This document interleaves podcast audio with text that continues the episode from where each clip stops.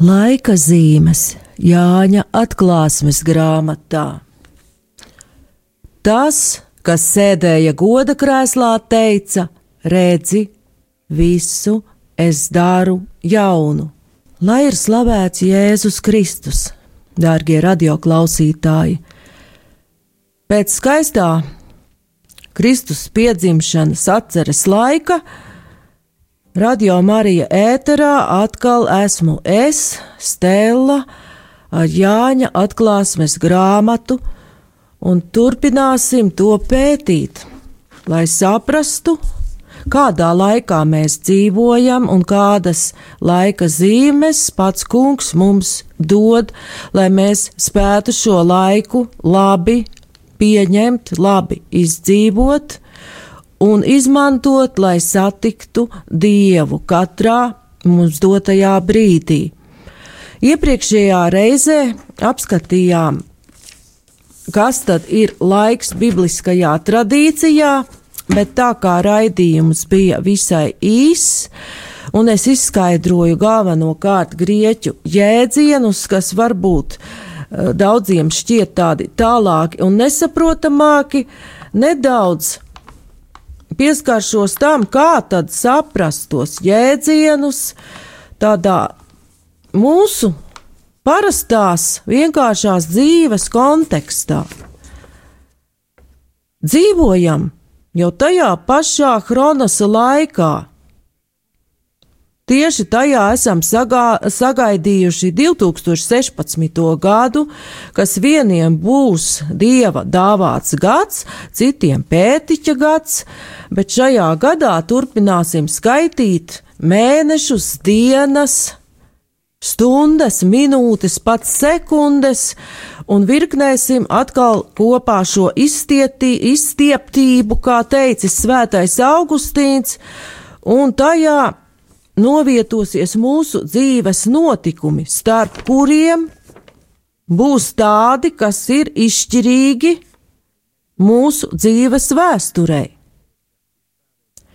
Kāds sagaidīs īsto laiku, lai piedzimtu, tas būs viņa kairos sākt dzīvi šajā pasaulē kā mazam cilvēciņam, citam būs dzīves beigas, jeb dzimšana mūžībā būs pienācis šis vislabvēlīgākais laiks, lai viņš dotos mājās pie tēva.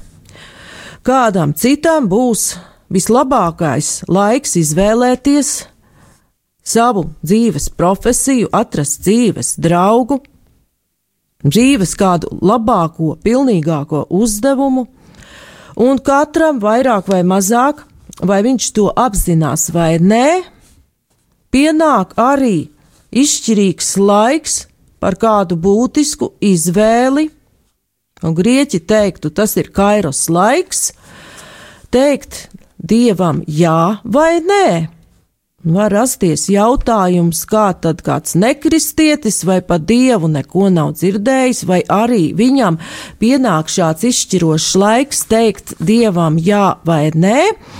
Varam sacīt, ka arī viņam, jo viņā ir šī dieva balss sirdsapziņas veidā, un sirdsapziņa var mudināt cilvēku uz labu, un var pienākt šis izšķirošais moments darīt kādu labu darbu, un cilvēks var izdarīt šo izvēli šajā momentā, tas ir viņa kairos laiks, teikt sirdsapziņas šim klusajam mudinājumam jā, vai arī teikt nē. Un varētu šķist, kāda tad mums, cilvēkiem, kas dzīvo šajā laikā, gados, minūtēs, stundās, kāda tad mums ir darīšana ar dieva mūžīgo laiku, jeb ajon, kurā viss notiek vienlaicīgi.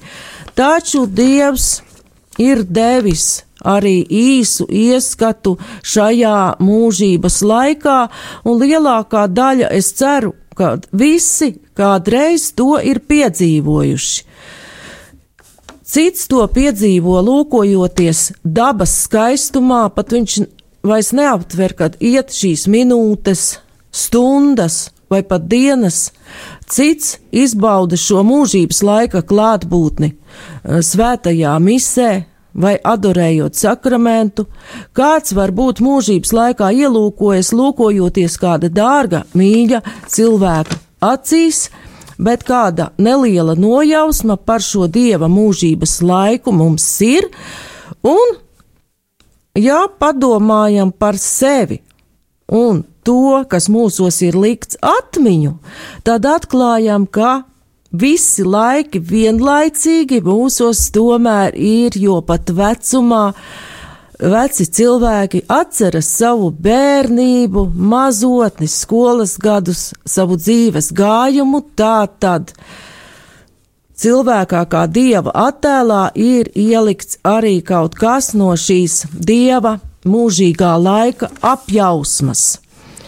Tā tad visas zīmes, par kurām runāsim tālāk, kuras Dievs mums dod, ir ieliktas šajā laikā, un zīme parasti liecina par kāda izšķiroša notikuma tuvošanos, par šī kairos laika nākšanu, kad piepildās kāds noteikts dieva nodoms varētu likties atkal, kas tad ir tā zīme un zīmes jēdziens. Vai mēs par to kaut ko nojaušam, saprotam vai zinām mūsu ikdienišķajā dzīvē?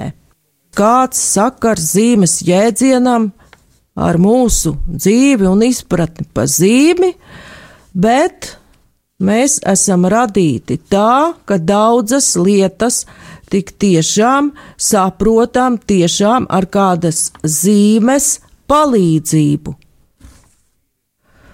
Pavisam ikdienišķs un vienkāršs piemērs. Pirms šī augstā laika varbūt tādi labi dabas vērotāji redzēja, varam teikt, zīmi. Vārna sēž koku galos, un šī zīme Acīgajiem dabas vērotājiem pasacīja, ka gaidāms ļoti augsts laiks. Tāpat ļoti labi mēs pazīstam zīmes, kuru vēstījumu cilvēki ir apstiprinājuši savstarpēji vienojoties, pie tādām pieder ļoti labi pazīstamās ceļa zīmes. Ieraugot tā dēvēto ķieģeli, jebkurš autovadītājs zina, ka tur nedrīkst braukt. Tā tad zīmes mums ir klātesošas. Šis e, Bībelē pazīstamais jēdziens ir ļoti, ļoti ienācis jau mūsu sadzīvē, kā ar ļoti lakoniskiem simboliem tiek dotas zīmes par vienu vai otru lietu, par tās īpašībām, pielietojumu vai pat derīguma termiņu. Un varam teikt, ka atklāsmes grāmata runā par šīm zīmēm, kas runā par pasaules derīguma termiņu un nākamo dieva valstības iestāšanos. Jāņem vērā, ka šīs zīmes kuras runā atklāsmes grāmatā pa laiku beigām un zemes vēstures izbeigšanos, vēstījot par dieva valstības augšanu, kurai blakus aug arī ļaunuma valstība. Tās nerunā tikai par to, tās runā arī par mūsu garīgo dzīvi un attiecībām ar Dievu, jo arī mūsu iekšējā dzīvē aug šī Dieva valstība, tur mājo trīsvienība, bet mūsu dvēselē pūles iekļūt arī ļaunais gars un visas šīs ļaunā gara ietekmes. Tātad, kas tad ir zīme svētajos rakstos? Vārdam zīme grieķu valodā semejon, jeb ebreju valodā ot, rakstos ir ļoti konkrēta nozīme, un vecajā derībā tām parasti piemita reliģiska nokrāsa, kas attiecās vainu uz dievu vai debesīm. par zīmi sauca kādu parādību vai notikumu, ar kuru dievs uzrunā cilvēku. Un tieši šādā veidā Jāņa atklāsmes grāmata, kurā, starp citu, ir ļoti daudz vecās derības tēlu, norāda uz tām zīmēm un notikumiem, kuri liecina par dieva iejaukšanos vēsturē. Līdzīgi kā vecajā derībā, šo terminu semējona izmanto jaudā derība un dara to pat 69 reizes. Lūk, viens no piemēriem. Jāņa evanģēlijā 6. nodaļā, 2. pantā mēs lasām: Viņam sekoja liels pulks, jo redzēja zīmes, kādas darīja tiem, kas slimi. Tur ir runa par Jēzus brīnumaino darbošanos un viņa spēka izpausmēm. Atklāsmes grāmatā vārds semējon sastopams visai bieži. Piemēram, 12. nodaļas, 1. pāns. Pie debesīm parādījās liela zīme, sieva saules, saulē tērpta mēnesis apakš viņas kājām, un viņai galvā 12 zvaigžņu vainags. Tā tad redzam, ka atklāsmes grāmatas autors runā par īpašu, par lielu zīmi. Tajā pašā 12. nodaļā trešais pants runā par citu zīmi, kas ir pretēja šai sievai saules stērpā. 12.3. lasām. Vēl cita zīme parādījās pie debesīm. Redzi, liels pūķis, ugunīgi sarkans, tam bija septiņas galvas un desmit ragi, un uz viņa galvām septiņu ķēniņu kroņi. Tad šeit ir tās divas galvenās lielās zīmes, no kurām, var teikt, izriet visas pārējās. Un tās visas ir saistītas ar atklāsmi, kuru Jēzus Kristus sniedz atklāsmes grāmatas autoram, vizionāram Jānim, un tās atklāja dieva darbību vēsturē. Pirmā zīme, kuru autors nosauc par lielu zīmi, šī sieva saules stērpā ataino baznīcu, pret kuru cīnās ar citu zīmi ugunīgo puķi atklātais ļaunais gars. Un šeit šīs zīmes ir šie simboli, bet ir arī zīmes jēdziens ar nedaudz citu nokrāsu, kad kā zīme kalpo kāda konkrēta darbība jeb notikums. Šajos divos piemēros mēs redzam, ka konkrētais tēls, simbols ir šī zīme. Atklāsmes grāmatā 15. nodaļā 1. pantā Jānis kā zīme redz debesu būtnes eņģeļus, kas gatavojas izpildīt dieva spriedumu. Tātad arī tur šie eņģeļi kalpo kā zīme gaidāmajam notikumam. Bet atklāsmes grāmatas 13. nodaļā, 13. 14. pantā ir runāts par tām brīnumu zīmēm, ko veids ļaunais gars cilvēku acu priekšā, kad tiek pievilti zemes iedzīvotāji un Grāmatas 16. nodaļā, 14. pantā ir norādīts uz brīduma zīmēm, ko dara ļaunie gari, kuri kā vārdes iznākuši no svētās trīsvienības parodijas, jeb varam teikt antitrīsvienības, pūķa, zvēra un viltus pravieša mutes. Un vēlreiz šīs brīnuma zīmes ir minētas atklāsmes grāmatas 19. nodaļas 20. pantā, bet zvēru sagūstīja un līdz ar viņu arī viltus pravieti, kas viņa priekšā bija darījis brīnuma zīmes un ar tām pievīlis tos, kas pieņēmuši zvēra zīmi un pielūdza viņa tēlu. Tos abus iemeta dzīvus degošā sēra un uguns jūrā ka šajā pantā ir minēta zvēra zīme, ko mēs runāsim kādā no nākamajiem raidījumiem, jeb ļoti pazīstamais skaitlis 666, kur kā zīme kalpo skaitļi un skaitļu simbolika. Savukārt Bībeles teoloģijas vārnīca paskaidro, ka par zīmi sauc materiāli redzamu un cilvēka maņām sajūtamu priekšmetu, kurš cilvēku savstarpējā komunikācijā saskaņā ar dabiski pastāvošiem vai savstarpēji vienojoties pieņemtiem noteikumiem kalpo informācijas nodošanai par kādu personu, parādību vai priekšmetu. Par ar zīmi tiek pastāstīta vienas vai otras personas griba vai doma, tiek noteikta kādas lietas eksistence vai autentiskums. Bībelē bieži tiek minētas dažādas zīmes, kuras cilvēki pieņēmuši savstarpēji vienojoties, piemēram, ar militāru nozīmi.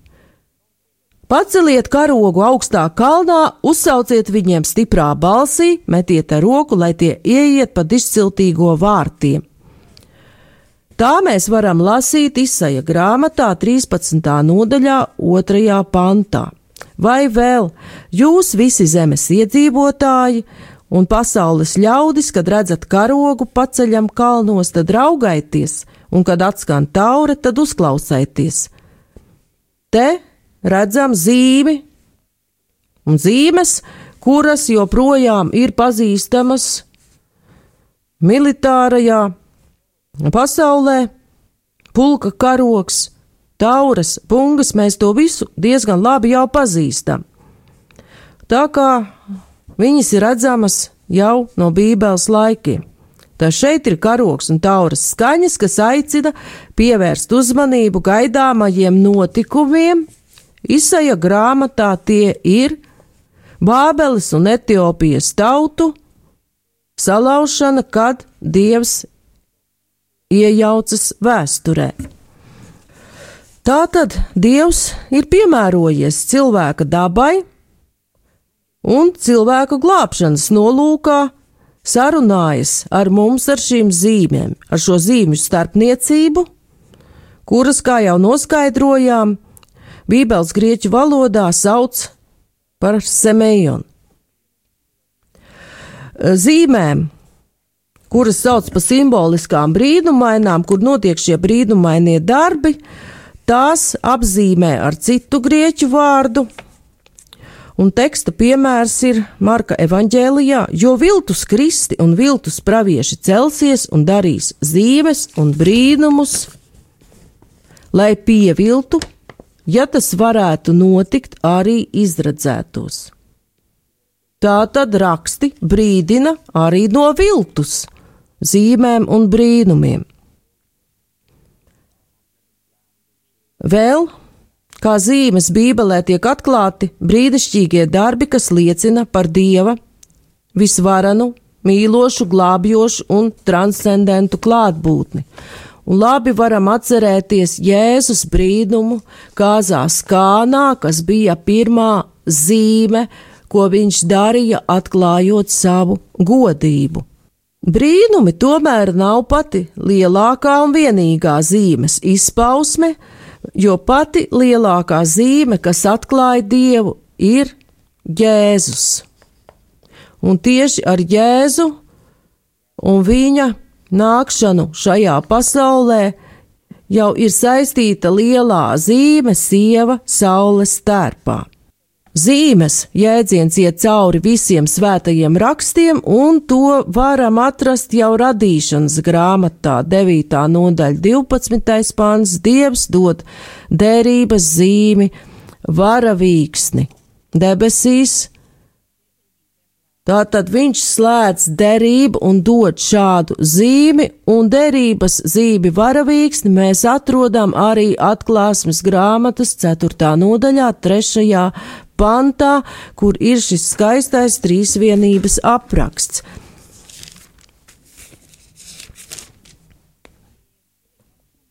Tas, kas sēdēja pēc skata līdzīgs dārgakmeņiem, jaspīdam un sardijam, un ap goda krēslu bija varavīksnes loks, kas izskatījās kā smaragds. Tātad gan svēto rakstu pirmajā grāmatā, gan noslēdzošajā, ir šī derības zīme varavīksne. Un caur šo vienkāršo skaidro simbolu Dievs parāda, ka viņš ir gan vēstures iesākumā, gan vēstures beigās. Svētajos rakstos ar pagātni izceļošanu un zemes iekarošanu saistītās zīmes tiek uzlūkotas kā tādas, kurās Dievs ne tikai pārliecina izredzēto tautu par tās misiju, bet arī neapstrīdami parāda savu varenību un mīlestību, atsvabinot tautu. Tā piemēram, gan atkārtotā likuma grāmatā, gan arī vēlāk uzrakstītos vecās derības tekstos Izteikumi, zīmes un brīnumi ir minēts diezgan bieži, bet ar konkrētu nolūku. Tad šajos tekstos tiek uzsvērts nolūks zīmēm un brīnumiem, ka tie netiek darīti tāpat vien vai lai izpildītu kādu cilvēka iegribu, bet lai atklātu šo dieva mīlestību, kā mēs varam izlasīt atkārtotā likuma grāmatas tekstā. Bet sargies un sargi savu dvēseli, ka tu neaizmirstu to, ko tavas acis ir redzējušas, un ka tas neizzūd tev no sirds visās tavās mūža dienās, un dari to zinām saviem bērniem un saviem bērnu bērniem Tā ir atkārtotā grāmata, 4. nodaļa, 9. pants. Tā tad Dievs dod šo norādījumu saglabāt paudžu paudzēs šo zīmju piemiņu. Un jaunās derības gaismā mēs jau saprotam, ka šīs zīmes norāda uz mesijānisko, jeb Kristus laiku, uz baznīcas laiku. Vēl praviešu darbības laikā mēs redzam kādu interesantu parādību, ka kā zīme, kas raksturo izredzētās tautas garīgo stāvokli, kalpo paša pravieša dzīve. Piemēram, pravieša Hozejas laulība ir kā zīme par Izraēļa tautas garīgo stāvokli, par tās atkrišanu no dieva. Hozejas grāmatā pirmā nodaļā un otrajā pantā mēs varam izlasīt. Kad tas kungs sāka runāt ar Hozejas muti, viņš tam sacīja: Ej un ņem sev netikli sievu līdz ar netiklībā dzimušiem bērniem, jo zeme arvien vairāk atkrīt no tā kunga un kļūst netikla. Tad praviešu vēstījums parāda, ka tauta ir atkritēja, bet tas var kalpot arī kā mesijāniska laika zīme, runājot par nākamo dieva godības atklāšanos vistiešākajā un vislielākajā zīmē. Paša dieva klātbūtnē, iemiesotajā vārdā, jeb jēzu. Par to mums raksta pravietis Isais, 7. nodaļā, 14. pantā. Tādēļ tas kungs pats jums dos zīmi, redzi, jaunava kļūs grūta un dzemdēs dēlu, un viņa tam dos vārdu Immanuels. Un šis vecās derības teksts, kas runā par zīmi, ļoti labi savienojas ar atklāsmes grāmatas lielo zīmi sievu saules tērpā. Par jaunās derības laiku un cilvēka dabu meklēt zīmes un brīnumus, apustulis Pāvils raksta, jūdai prasa zīmes un grieķi meklē gudrību 1. korintiešiem 1.22. Un tātad šīs prasības un grieķu gudrības meklēšana arī ir zīmes, kas liecina par to, ka jūdi gaida mesiju, kaut gan mesija jau ir atnācis, un gaida tādu mesiju, kas darīs vismaz to pašu un tādas zīmes, kādas bija vecās derības izceļošanas notikumā. Jo atceramies vecās derības izceļošanas notikumus, gan Ēģiptes mocības, gan sarkanās jūras pāriešanu, tā tad tur bija ļoti lielas zīmes un brīnumi. Jūdi gaida tieši šādu mesiju, kas ar bargu spēku ievedīs kārtību bet Jēzus cerības neattaisno. Un viņa valdīšana neizpaužas kā varas pārņemšana politiskā izpausmē, bet pilnībā piepilda cerības garīgajā sfērā. Un ar saviem brīnumiem, kā jau minēju, kāzās kānā ļoti daudzās dziedināšanas, viņš ieliek pamatus patiesai glābšanas zīmei savai pacelšanai uz krusta. Tagad ir šīs pasaules tiesas stunda. Šīs pasaules valdnieks tagad tiks izstumts ārā, bet, kad es no zemes tikšu paaugstināts, es visus vilkšu pie sevis, bet to viņš nora sacīja norādīdams, kādā nāvē viņam bija mirt. Tas ir Jāņa evaņģēlijas 12. nodaļa, 31. līdz 33. pants un ar saviem vārdiem Jēzus pasaka, ka viņa krusta nāve ir zīme uzvarai pār sātanu un viņa valstību. Tā tad var zīmes jēdziens nebūt pieminēts, bet pats teksts un tā konteksts pasaka, ka ir runa par kādu notikumu, kurš ir zīme. Un te mēs varam nedaudz pievērsties arī tam, kā kāds cilvēku vienošanās gaitā noteiktas zīmes nozīme var mainīties. Romas impērijā krusts, krusts bija zīme pazemojošai verga nāvei. Taču tagad mēs to pazīstam, un baznīca to 2000 gadus pazīst kā zīmi, kas liecina par augšām celšanos, par Kristus uzvaru pār nāvi. Tā tad dieva ienākšana vēsturē pat šo zīmes nozīmi ir mainījusi. Jēzus nostājas pret tiem, kas prasa no viņa zīmes. Viņam nepatīk šī zīmju un brīnumu pieprasīšana. Un arī šodien mēs redzam, ka cilvēki ļoti daudz kur meklē zīmes, neparastus brīnumus, iespējams arī baznīcā varam atrast pat kopienas un arī pat veselas kristīgas sekstas, kas nepiedar pie katoliskās baznīcas, kur ir ļoti liels uzsvars uz dažādām zīmēm un brīnumiem. Bet kungs pats ir pateicis Lūkas evanģēlī 11. nodaļā, 29. pantā. Šī ir ļauna cilts, kas tā meklē zīmi, bet cita zīme tai netiks dota kā vienīgi pravieša Jonas zīme. Jāņa evanģēlijā zīmes jēdziens ir lietots vairāk, tas sastopams 17 reizes. Tie ir jaunatgriezti helēņi, kas vēlas redzēt Jēzu. Kā arī epizodē pie krusta, bet viens no kareiviem viņam iedūra sāno šķēpu un tūdaļ iztecēja asins un ūdens,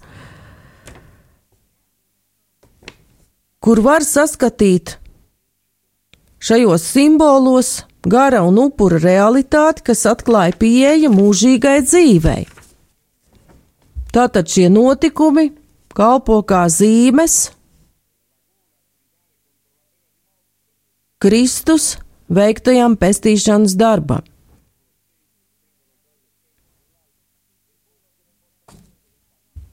Tur varam saskatīt jau kristības, grēku nožēls, arī evaharistijas zīmes, kā piemēram maizes pavairošanas brīnums ir zīme evaharistijai, un Jāņa evaņģēlija zīmes ir viņa, kā augšām celtā īstenā tempļa šī glābjošā darba pirmtēli.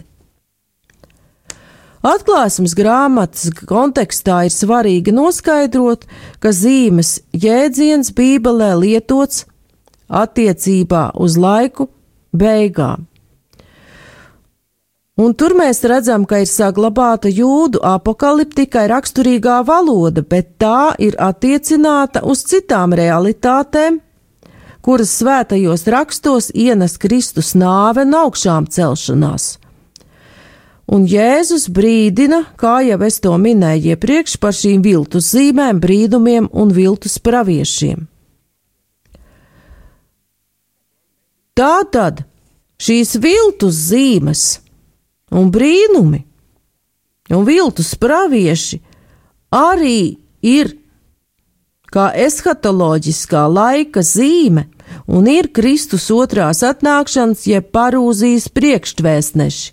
Kaut gan tie paši pa sevi ir nāk no ļaunā gara un ir doti, lai pieviltu, kā jau lasījām Lūkas evanģēlijā, pat izredzētos, tie tomēr ir arī ar pozitīvu nozīmi, tie vēstī pa Kristus drīzu nākšanu. Un Jēzus Lūkas evanģēlijā jau šos vārdus saka tieši atbildot uz mācekļu jautājumu par pastarā laika zīmēm un norāda arī uz kosmiska rakstura zīmēm, kas liecinās par viņa atnākšanu. Bet tūdaļ pat pēc šī laika bēdām saule aptumšosies, mēnesis nedos savu spīdumu, zvaigznes kritīs no debesīm un debesu stiprumi kustēsies, un tad cilvēka dēla zīme, tur ir lietots šis grieķu vārds semējon, parādīsies pie debesīm, un tad visas ciltis virs zemes vaimanās un redzēs cilvēka dēlu nākam debesu padebešos ar lielu spēku un godību. Mateja evaņģēlīs 24. nodaļa 29. līdz 30. jo par laiku beigām Jēzus runā gan Lūkas, gan Mateja evaņģēlijos, kas abi pieder pie sinoptiskajiem jeb līdzīgajiem evaņģēlijiem. Atklāsmes grāmatā zīmes jēdzienu atrodam septiņas reizes, un tas ir saistīts ar šīm septiņām zīmēm, kas vēsta par laiku beigām un kunga otro atnākšanu, bet šis skaitļa septiņi pilnības nozīme ļauj saprast, ka zīmju cikls galējā veidā pabeidz vēstījumu par kunga atklāšanos vēstures gaitā. Un interesanti ir arī tas, ka pati Jāņa atklāsmes grāmatas uzbūve ir kā savdabīga laika zīme, bet par šo uzbūvi, kas kalpo kā zīme, mēs runāsim jau nākamajā raidījumā pēc nedēļas. Paldies par uzmanību, godātie lasītāji! Tas, kas sēdēja goda krēslā, teica: Redzi, visu es daru jaunu.